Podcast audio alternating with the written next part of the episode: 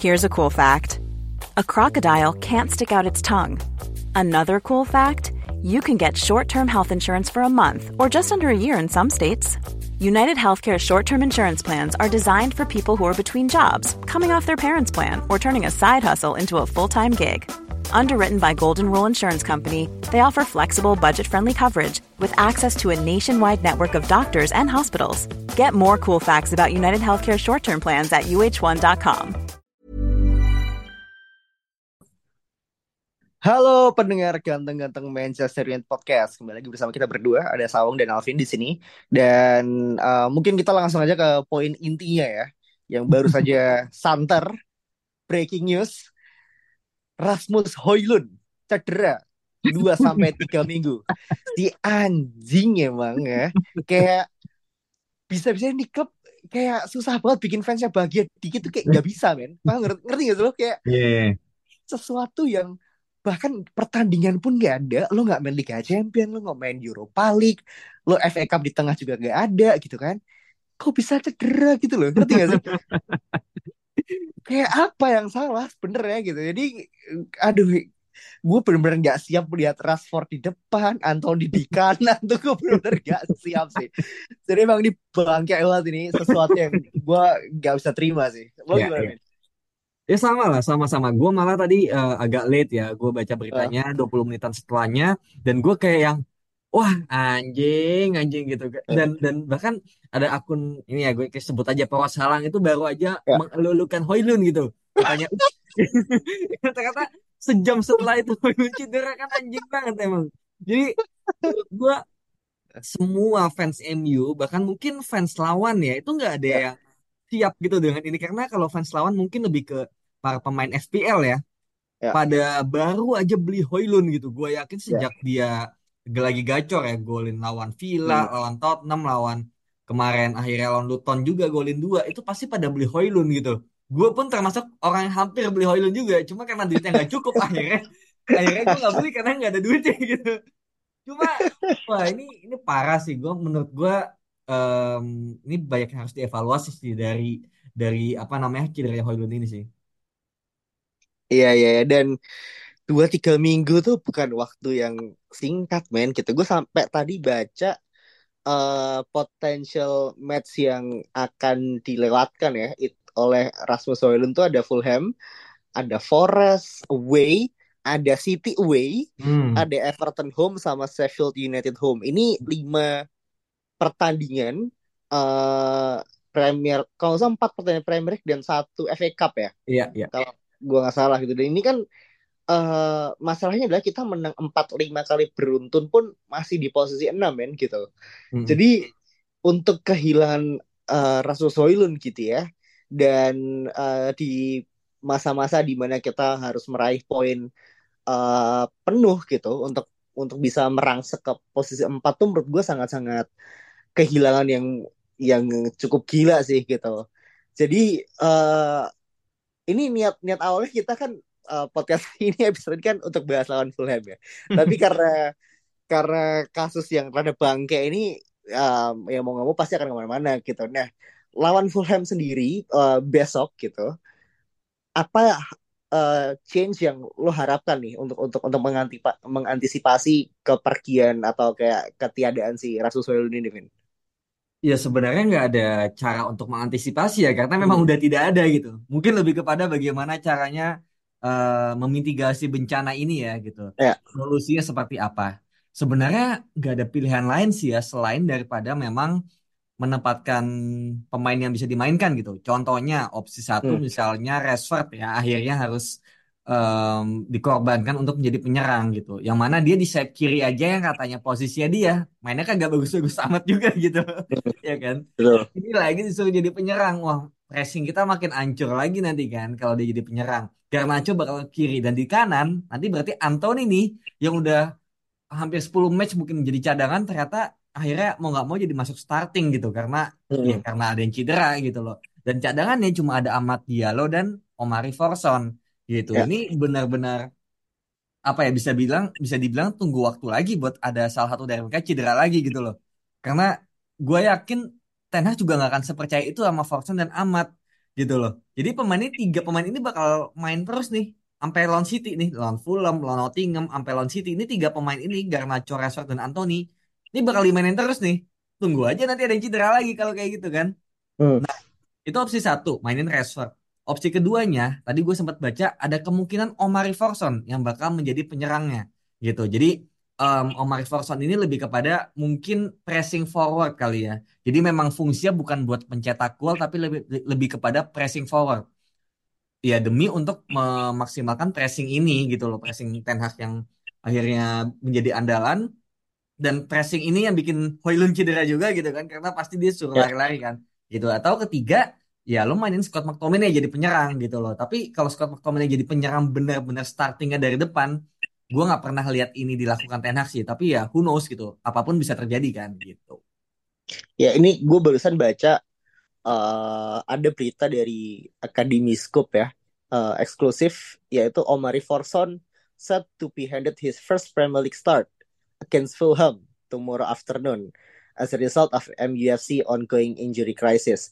Jadi memang uh, Ten Hag gitu ya dan juga staff sangat uh, appreciate ya dengan ada Omari Forson ini gitu dan keputusan untuk memasang Omari Forson besok untuk uh, starting uh, over amat ya itu tidak berdasarkan training performance ataupun effort related tapi melainkan skill set dan potensial yang dilihat oleh uh, Eric dan juga uh, para pelatih gitu. Nah, menurut lo sendiri apakah ini adalah keputusan yang uh, bijaksana ya atau mungkin memang lo bisa melihat bahwa mungkin dengan adanya uh, isu di uh, frontline gitu ya Amat pun juga akhirnya susah untuk menembus nih. Malah kayak Ten Hag akhirnya memilih untuk kasih Omar Forson daripada uh, Amat Diallo, Vin. Menurut lo gimana? Apakah memang ini sesuatu yang tepat atau mungkin lo expect sesuatu yang berbeda?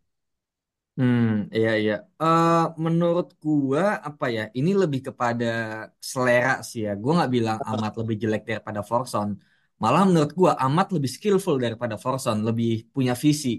Tapi hmm memang selera dan gaya main Ten Hag ini seperti ini gitu loh, high pressing dan juga apa ya, pekerja keras dan sepertinya Amat bukan tipe yang seperti itu. Amat kan lebih kepada pemain yang punya flair ya, menurut gua gitu.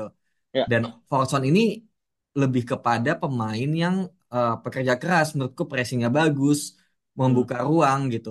Beda sama Amat. Jadi Amat sama Forson ini adalah dua tipe yang berbeda. Jadi memang ada alasan kenapa Forson lebih dipilih gitu. Itu sih menurut gua Cuma memang gue mengharapkan ada juga variasi dari Ten Hag gitu yang enggak ya gitu-gitu aja bukan enggak gitu-gitu aja mainnya tapi memang uh, lebih variatif aja gitu karena kan kita uh, pertandingan banyak gitu. Jadi gue berharap itu ada ada apa ya kayak variasi taktik lah gitu. Kalau misalnya lo nggak bisa mainin uh, apa namanya pemain-pemain yang high press ya udah lo mainin pemain yang lebih skillful untuk apa ya memberikan mungkin kayak elemen of surprise juga bagi lawan bahwa oh ada Amat nih yang bisa bermain kombinasi, lebih punya flair, uh, bisa apa namanya dribble lumayan bagus gitu loh. Jadi menurut gue, gue berharap ada seperti itu sih. Cuma ya melihat realita kayaknya sih bakal tetap Forson sih gitu.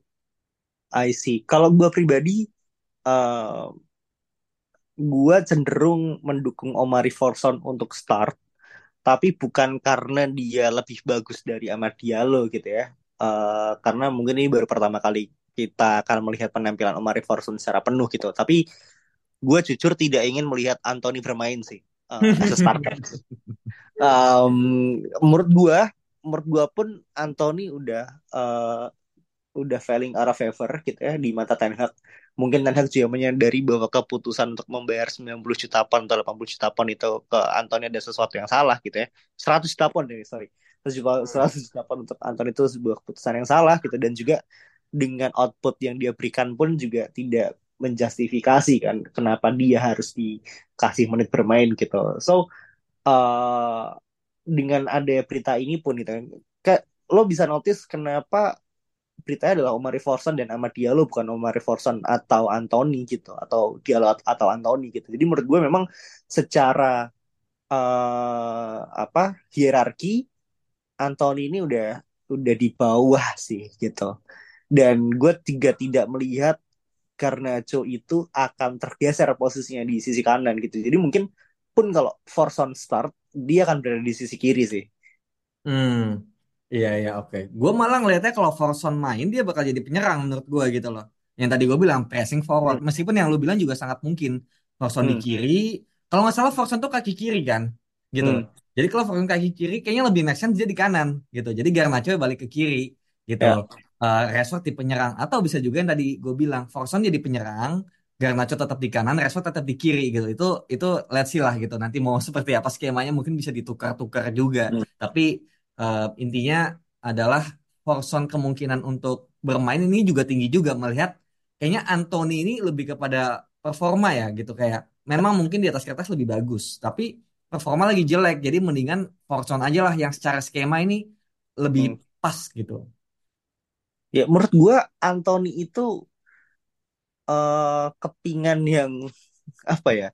Yang seharusnya diletakkan ketika sistem udah berjalan sih, paham gak sih? Ya, Ya kan? Jadi dia memang si- sistem player dan eh, lo nggak bisa pasang dia di masa di mana sistem ini atau sebuah gear ini berjalan kayak masih sendiri-sendiri gitu. Yang ada malah malah rusak gitu, yang ada malah nggak berjalan gitu. Karena eh, kita melihat Anthony ini kan di Ajax apa ya pemain yang memang eh, apa ya bukan sesuatu pemain yang jadi talisman lah katakanlah. Dia memang ya udah kayak pionir pionir semacam apa ya?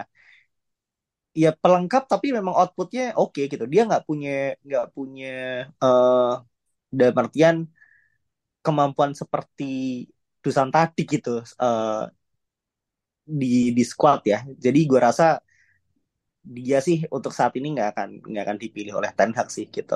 Dan ini menarik ketika kalaupun besok kayak Omari Forson start dan tidak berjalan sesuai ekspektasi, gue sih takutnya dengan pertandingan yang akan dijalani ya ada Forest, ada City, ada Everton bisa jadi domino yang tidak kita harapkan sih men gitu.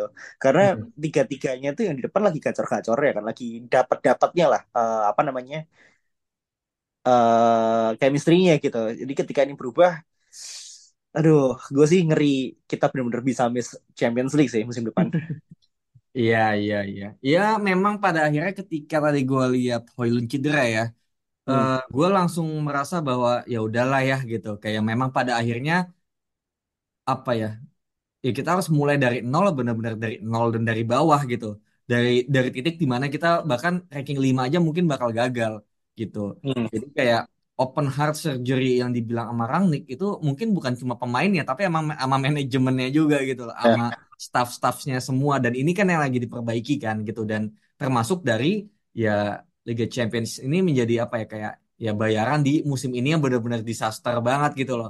Dari segala hal tuh ancur-ancuran banget gitu. Meskipun kita juga mungkin expect more dari Ten Hag ya. Kayak let- let's say kayak misalnya kita lihat Liverpool. Liverpool juga dihantam badai cedera tapi Hmm. somehow masih bisa main bagus dan masih bisa menang gitu. Karena Hmm. memang sistemnya udah berjalan gitu. Pemain udah tahu dan dan pemain yang diambil juga udah udah sesuai dengan gaya mainnya gitu. Jadi meskipun dikena badai cedera tapi pemain cadangannya udah bisa jalaninnya gitu sedangkan kita tuh masih sedikit menurut gue ya masih 50% sistem 50% individual bukan individual ya tapi lebih kepada individual performance gitu gitu. Jadi pemainnya diganti dikit itu langsung kacau gitu. Baru satu gitu, baru Lisandro nggak main udah kacau. Xiao nggak main makin kacau gitu loh. Jadi masih mengandalkan individual menurut gua gitu. Jadi eh, apa tadi pertanyaannya? Iya itu tadi apa namanya eh, Liga Champions ini menurut gua sangat mungkin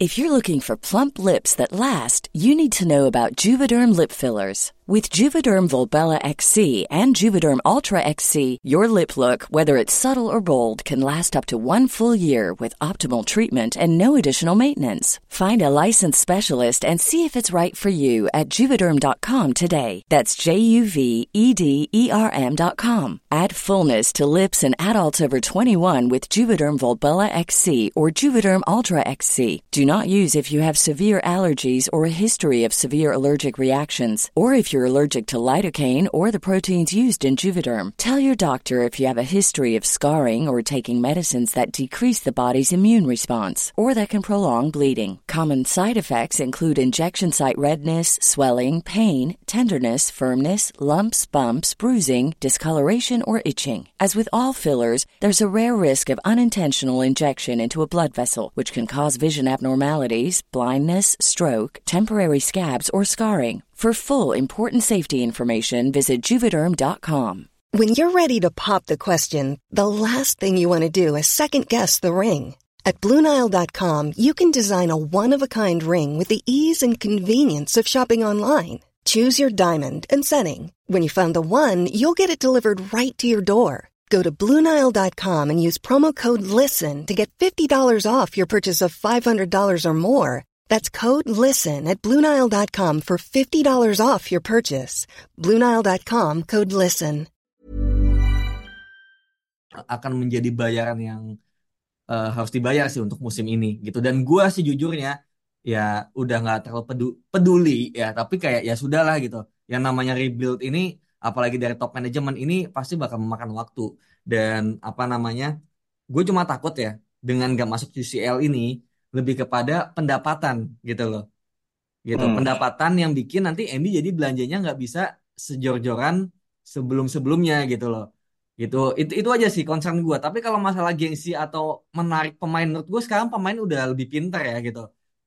Masih ada sih beberapa pemain yang masih pengen oh masih pengen tim yang main di Liga Champions gitu. Tapi kalau kita bisa present the project gitu kan the exciting project, menurut gue pemain bakal lebih tertarik sih gitu.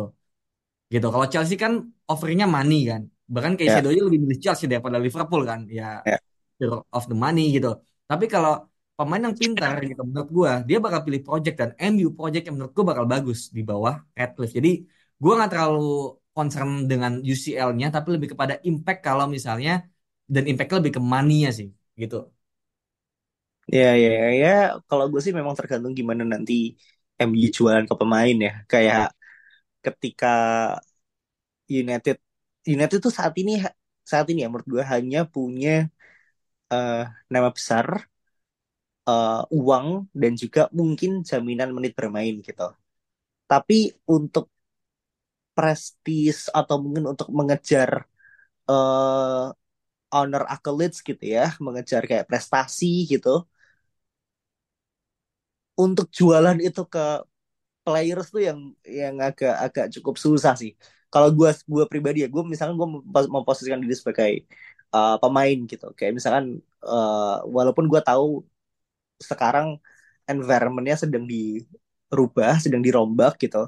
Tapi kalau misalnya lo mendekati pemain yang secara usia mungkin udah di usia 26 27 gitu dan lo ditawarin let's say katakanlah Arsenal atau mungkin Liverpool atau mungkin Real Madrid gitu.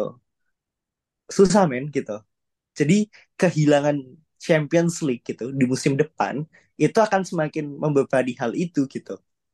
Dan uh, menurut gua bebannya itu ya dimulai dari pertandingan besok lawan Fulham gitu. Apakah dengan kehilangan Rasmus Højlund ini bisa menjawab atau mungkin bisa menjadi uh, apa ya titik poin di mana kita udah mulai bisa berjalan nih gitu secara sistem, secara permainan kayak oke okay, waktu itu kita kehilangan Lisandro, kehilangan Luke tapi masih bisa lah uh, dapat beberapa poin, dapat beberapa kemenangan gitu kan. Tapi sekarang ini lo udah nggak bisa kehilangan poin lagi gitu saat ini gitu.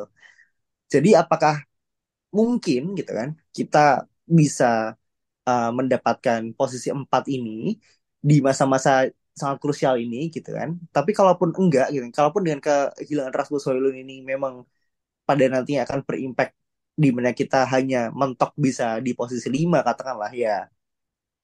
Gua sih jujur akan sangat sedih sih gitu dan di akhir musim menurut gua akan sangat banyak yang harus dipecat gitu. Enggak enggak cuma pemain tapi juga staff-staff sih yang tadi lo bilang gitu. Terutama mungkin si hal departemen ini ya. Gua nggak tahu apakah uh, ini kan orang ini kayaknya baru pindah dari Arsenal kan yang waktu itu kita sempat mention juga gitu. Iya. Yeah. Gue nggak tahu apakah dia memang bawa ilmu atau bawa penyakit, gue nggak ngerti. Tapi memang sesuatu harus di, dijadikan fokus sih gitu di, di poin ini gitu karena benar-benar badai cederanya udah nggak masuk akal gue gitu.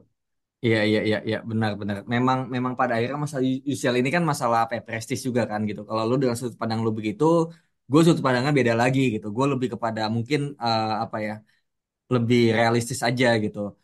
Jadi menurut gue nggak ada masalah. Cuma itu tadi kalau tadi balik lagi ke masalah em, lu bilang kita juga harus mencat-mencat gitu. Menurut gue sorotan juga ada di pelatih gitu loh.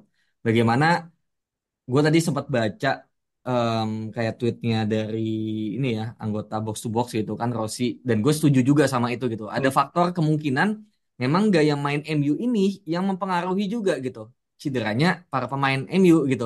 Karena yang kita udah sering bahas lah MU ini kalau main yang pressing tuh depannya ya kan Hmm. lima pemain depan, lima pemain belakang tuh di belakang. Nah lima pemain depan kalau udah kelewat kan kosong tuh di tengah kan Ya, lima pemain ya. depannya jadi ikut mundur ke belakang banyak lari kan pas Hmm. kita dapat counter attack lima pemain depan yang tadi udah mundur maju lagi ke depan gitu jadi lima pemain depan ini tuh gila banget loadnya gitu loh larinya cover area itu udah maju suruh pressing kalau kelewat harus, harus ikut mundur juga. Nanti counter dia harus maju juga gitu loh. Jadi ini ada masalah sistemik dari permainan yang apa ya membutuhkan energi yang sangat-sangat besar. Ditambah regulasi dari Liga Inggris yang sekarang injury time bisa sampai 10 menit 15 menit gitu loh. Ya. ya kayak di Piala Dunia. Ini makin memperparah lagi gitu. Ditambah mungkin kita punya pemain injury prone. Ditambah kita fitness manajemennya dan juga eh, dokter timnya maybe ya itu juga belum mumpuni juga gitu karena masih ke bawah dari rezim yang lama. Jadi faktor-faktor ini banyak banget tapi Ten Hag ini juga bukan tanpa celah menurut gua gitu. Jadi semua harus diperbaiki dan sepertinya kalau musim ini paling gede ya di gaya main sih gitu sih yang benar-benar mempengaruhi. Makanya gue selalu bilang kalau mau menyelamatkan musim diubah sedikit gitu loh di di dimodif lah kasar dan Ten Hag pernah modif itu dan sekarang mungkin impactnya lebih kepada ya pemain cedera sih gitu Eh, coba kita lihat besok lawan Fulham apakah dia akan mengubah gaya permainan atau tidak ya gitu. Kalau gue sih kayaknya nggak akan. nggak bakal merubahnya kayaknya nggak akan gitu dan mungkin kita bisa mengamini bahwa itulah eh, pattern of play yang akan Ten Hag tampilkan gitu ya di musim depan pun kalaupun memang dia masih di United gitu. Dan em, terakhir mungkin menurut lo apakah kita bisa pulang away kan ini ya? Eh home home sorry. home Apakah hmm. kita bisa mengusir anak-anak Fulham ini dan merengkuh poin penuh, Vin? Bisa aja, sebenarnya bisa-bisa aja gitu. Hmm. Cuma ya itulah, kita kan belum konsisten ya. Dengan Ya, adanya Højlund pun juga belum konsisten gitu. Yang gue bilang bahwa expected goals kita tuh masih rendah sebetulnya. Jadi kita butuh sesuatu yang klinis di depan dan yang klinis itu Højlund gitu loh. Nah, ya. yang klinis ini ya nggak bisa gitu. Unless, unless misalnya ternyata kita tuh kayak Arsenal, XG-nya gede, tapi ternyata golnya lebih sedikit daripada expected goals-nya gitu loh. Nah, itu masih nggak apa-apa kalau pemain depannya hilang karena oh lu bisa bikin peluang seenggaknya, tinggal yang, yang nyelesain aja lebih klinis. Lah ini kita em, apa bikin peluangnya susah gitu loh. Jadi kita membutuhkan sifat klinis dari Højlund gitu. Ternyata dia juga cedera. Jadi siapa yang mau kita andelin sekarang? Keberuntungan siapa yang mau kita andalkan? Itu sih menurut gua concernnya karena dari gaya main dan juga eh, skema permainan gua nggak yakin itu bakal berubah gitu loh. Jadi menurut gua bakal sama aja. Tinggal berharap menurut gua sekarang yang berharap pemain depan ini bisa lebih klinis, bisa menggantikan sifat klinisnya Højlund gitu. Dan apakah gua yakin ya ya 50-50 lah. Kalau pemain termotivasi ya mungkin bisa tapi kalau enggak ya suwe aja kayak kita dari awal musim gitu. Jadi kalau masalah permainan sih ya Fulham juga lumayan ada Palhinya di tengah depannya juga lumayan ada Willian ada ada Raul Jimenez juga kiper Leno lumayan. Jadi Fulham ini sebenarnya tim yang lumayan bagus gitu loh dari sisi permainan. Bahkan di apa kayak musim lalu atau di ketika kita away ke Fulham juga kita kesulitan banget kan gitu. Jadi menurut gua sangat bisa kita menang karena kita main di home. Somehow gue merasa eh, Masih beberapa ngaruh ya? beberapa match terakhir Oh, lumayan ngaruh gitu kan beberapa match terakhir gitu tapi ya ini karena kepercayaan dirinya lagi kehantem lagi nih gara-gara Højlundnya cedera nah gue jadi nggak yakin jadi gue 50-50 sih 50-50, oke. Fulham tuh sekarang ada di posisi 12 by the way. Dengan torehan poin 29. Berjarak 6 poin dari eh, Chelsea ya di peringkat 10. Dan berjarak berapa ini? Eh, United tuh sekarang di posisi 6 dengan poin 44 gitu. Kalau misalnya lima kita lima apa Lima apa enam ya? 6 United sekarang. Posisi 6 kalaupun misalkan besok kita menang gitu kan dan Tottenham kalah, kita bisa menyamai poinnya Tottenham di uh, apa angka 47 dengan nggak tahu ya kita defisit golnya sih sekarang dari Tottenham Satu. sih 13 gol. Iya iya. Jadi memang gue sangat-sangat berharap kita masih bisa meraih tiga poin gitu kan, kasih pressure gitu ya untuk Tottenham dan juga Aston Villa gitu. Karena gue juga melihat dua dua tim ini tuh nggak konsisten konsisten banget sebenarnya gitu. Jadi kalau kita kehilangan momentum tuh akan sangat-sangat disayangkan gitu dan uh, walaupun kita juga jaraknya masih lumayan kita gitu, dengan Brighton dan juga Newcastle di peringkat 7 dan 8 tapi kehilangan satu poin itu akan sangat-sangat terasa sih men. Gitu apalagi ini kita, sekarang kita udah masuk uh, musim yang cukup festif gitu ya, dengan banyaknya match. Tapi ya ya kita berharap lah uh, United bisa tampil maksimal dan seperti yang mungkin lo bilang gitu. Kalaupun besok Ten Hag mungkin ingin menurunkan sedikit egonya gue rasa United akan menang sih. Hmm, iya ya, ya benar sih. Cuma ya gue tidak yakin ya karena dia merasa mungkin hanya kehilangan satu pemain kali ini Hoylund jadi kayak ya buat apa gue ubah? gitu. Gitu ya. sih. Ya menurut lo dengan cederanya Hoylund dan juga kemampuan decision makingnya Ten Hag di sini akan dipertaruhkan gitu ya apalagi uh, mungkin teman-teman juga udah lihat atau mungkin udah dengar gitu kan apa yang Sir Jim Ratcliffe katakan uh, apa saja yang jadi harapan dia gitu untuk United di musim ini dan musim depan apakah ini akan jadi beban tersendiri buat dia Vin menurut lo? Um, katanya sih Ten Hag maksa dia di backup ya gitu, di backup Ya. sama siapa namanya uh, Ineos gitu. Cuma menurut gue sih nggak ada yang aman sih. Menurut gue nggak ada yang aman sama sekali, termasuk pelatih gitu. Seperti yang udah gue bilang juga di YouTube ya gitu, Ya. bahwa apa namanya YouTube bro teman-teman ya jangan lupa ya, nonton ya. by the way kita udah punya YouTube ya dan episode satu itu gue membahas tentang Ten Hag gitu. Jadi memang seperti yang gue, gue udah bilang di YouTube bahwa ya Ten Hag ini posisinya sangat nggak aman gitu. Kalau misalnya satu faktor yaitu dia tidak mau mengikuti apa ya filosofi atau visi nggak satu visi lah kasarnya ya dengan dengan atasnya yaitu Ineos dan sporting directornya akan sangat mungkin Ten Hag akan apa ya dipecat lah kasarnya. Bukan karena dia jelek tapi karena memang beda visi aja gitu loh.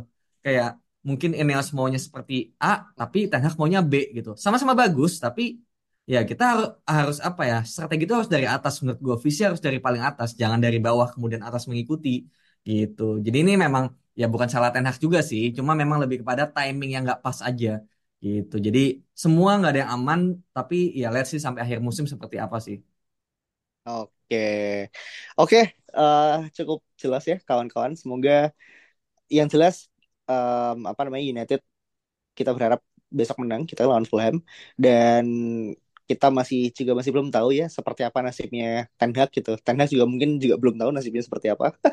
Jadi ya benar-benar eh, bukan hanya pengharapan bagi kita ya untuk United menang tapi juga untuk Ten Hag sendiri gitu karena memang situasinya saat ini masih sangat rawan gitu ya, sangat 50-50 dengan hadirnya eh, owner baru. Dan eh, harapan kita sih meskipun nanti katakanlah memang kita benar-benar ngelepas ya musim ini eh matchnya kayak ya udahlah bodo amat gitu. Ya semoga United terlahir kembali ya seperti burung phoenix yang lahir dari abu gitu. Jadi ya mungkin dimulai dari besok lawan Fulham dan eh, seperti biasa kalau misalnya teman-teman ada saran ataupun ada eh, apa namanya kritikan monggo silahkan add kita di KKMG Podcast di Twitter. Dan jangan lupa tonton episode perdana kita di YouTube um, at KKMG Podcast ya Vin ya. Iya. Um, nanti boleh komen boleh uh, subscribe silahkan. Di like juga gitu kalau misalnya mau di share kalau kalian suka kontennya silahkan. Dan kalaupun ada saran silahkan juga kita terbuka di sini gitu. Thank you so much semuanya. Sampai ketemu di episode selanjutnya. Bye bye. Even when we're on a budget, we still deserve nice things. Quince is a place to scoop up stunning high-end goods for 50 to 80% less than similar brands. They have buttery soft cashmere sweaters starting at $50, luxurious Italian leather bags, and so much more. Plus, Quince only works with factories that use safe, ethical, and responsible manufacturing. Get the high-end goods you'll love without the high price tag with Quince. Go to quince.com slash style for free shipping and 365-day returns.